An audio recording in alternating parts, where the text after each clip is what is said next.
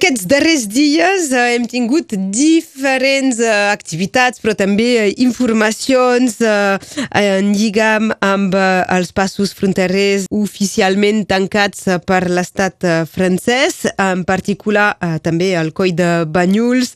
Tenim amb nosaltres el president de l'associació Albert Sense Frontera, Pere Bec. Bon dia. Bon dia.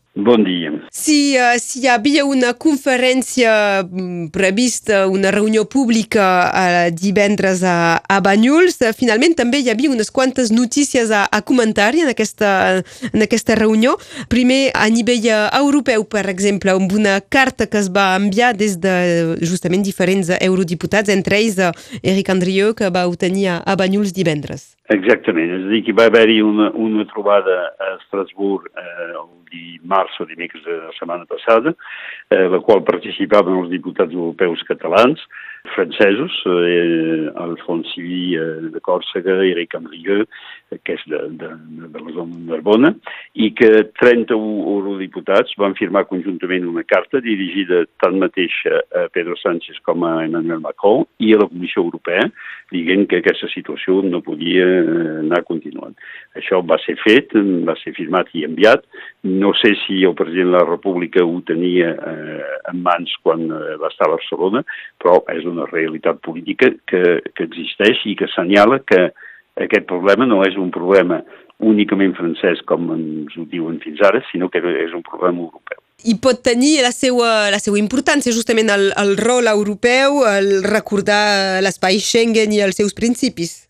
Evidentment, perquè normalment eh, l'aplicació de les eh, normes europees, la, la legislació francesa està submesa a la legislació europea i ha de complir eh, el que Europa demana i aquest mateix principi que no hi és de, de Schengen, sinó del començament del Tractat de Roma, lliure circulació dels ciutadans del món europeu. I des que Espanya va adherir-se a Europa hi ha un principi de lliure circulació que per tant es reafirmen els dos estats a nivell del Tractat de Barcelona que es va signar, eh, però que de fet pràcticament eh, no, no, no posen en plaça en aquests moments.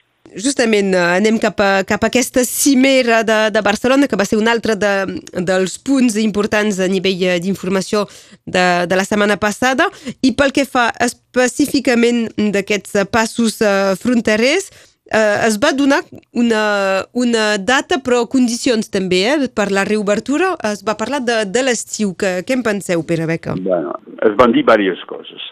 Eh, eh, al marge de la cimera hi va haver-hi, que estava prevista, una reunió de eh, ministres de l'Interior, tant espanyols com francesos, i d'alts càrrecs de policia i de duana per tota la col·laboració que podien posar en plaça. Notareu que el senyor Darmanin, com a ministre d'interior francès, llavors que eh, estat francès hi havia moltes manifestacions, va anar i es va quedar quasi tot el dia a Barcelona. Doncs és que dona una certa importància. I sortint d'això, és el propi senyor Darmanin que va dir eh, pensem poder arreglar el tema abans de l'estiu, tot i que posant condicions, i que una de les condicions és la participació eh, d'eines de, conjuntes, d'organització conjunta entre la, la Guàrdia Civil i la policia francesa. Això em sembla pràcticament molt difícil posar en plaça realment, perquè eh, els dos cossos de policia no, no obeeixen a les mateixes eh, regles, no funcionen de la mateixa manera i és eh, prou complicat. Però, per tant, per què no? Si volen provar-ho, per què no? Recordem que nosaltres, com a associació, el que diem és que Schengen permet de reforçar controls, tot i que han de ser il·limitats en el temps i proporcionats, eh, però no permet en cap manera de tancar els passos. I que el que demanem nosaltres és que s'obri el pas, si hi hagi controls, si l'Estat considera que ha d'haver-hi controls, per què no? I que es facin de policia francesa conjuntament amb Guàrdia Civil, potser sí.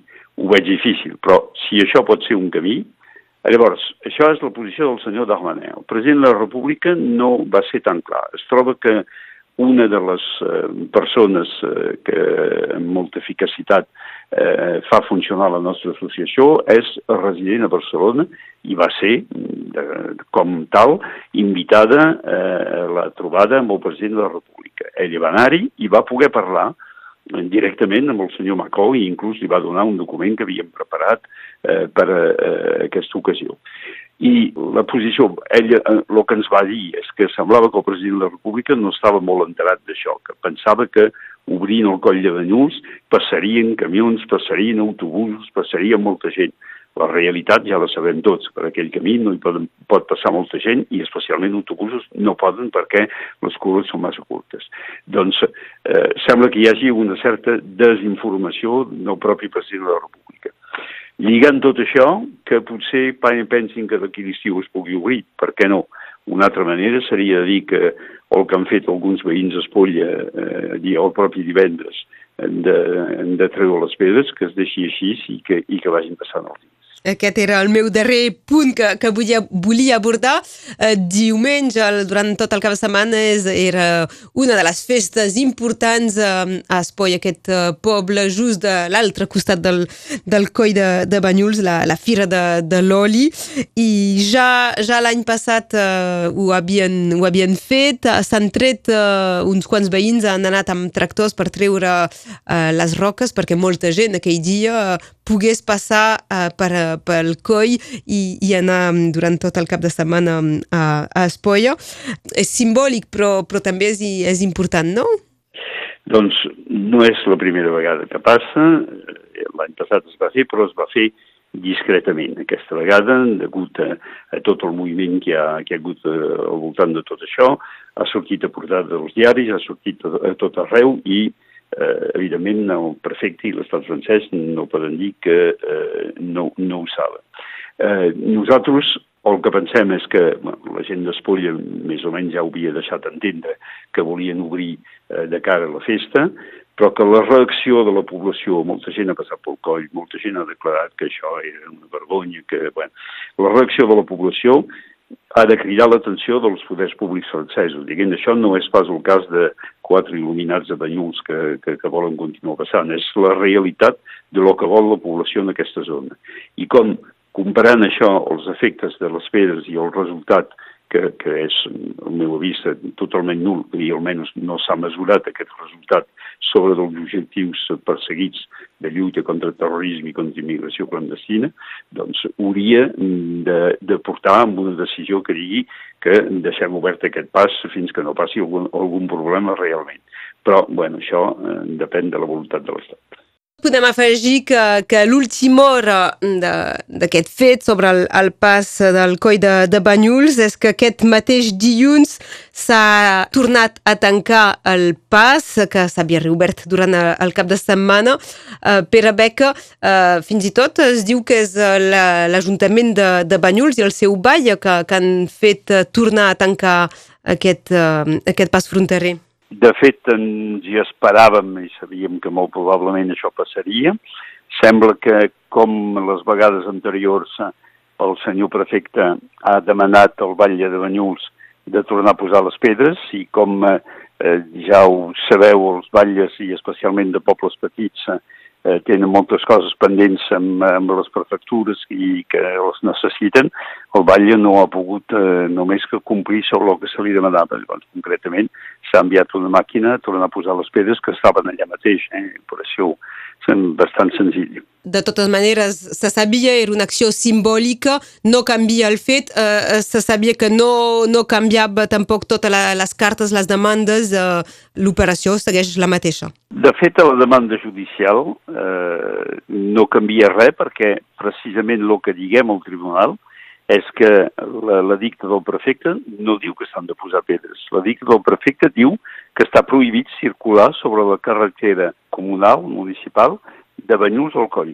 I doncs és, és això que, de, encara que es treguin les pedres, nosaltres continuaríem la nostra acció judicial, que és prohibit el pas sobre la carretera comunal de Banyuls al coll, sense precisió de quin punt quilòmetric, eh, sense res.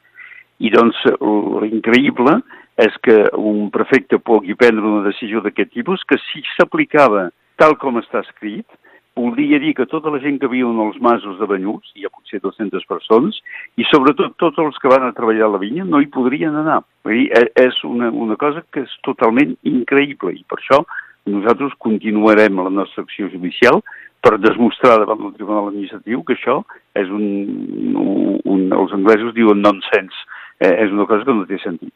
Avui volíem parlar amb el president de l'associació Albera Sense Frontera, en Pere Beck, amb temàtiques que ens han portat d'Estrasburg a Espolla, passant per Barcelona i Banyuls, sobre aquests passos fronterers tancats per, per pedres i, i roques. Moltes gràcies, Pere. Doncs gràcies a vosaltres d'interessar-vos a la nostra situació s'ha portat una de les pedres a, a davant de l'Ajuntament d'Espolla, que tota la gent pot anar eh, signant eh, la, la pedra, que és molt simbòlica.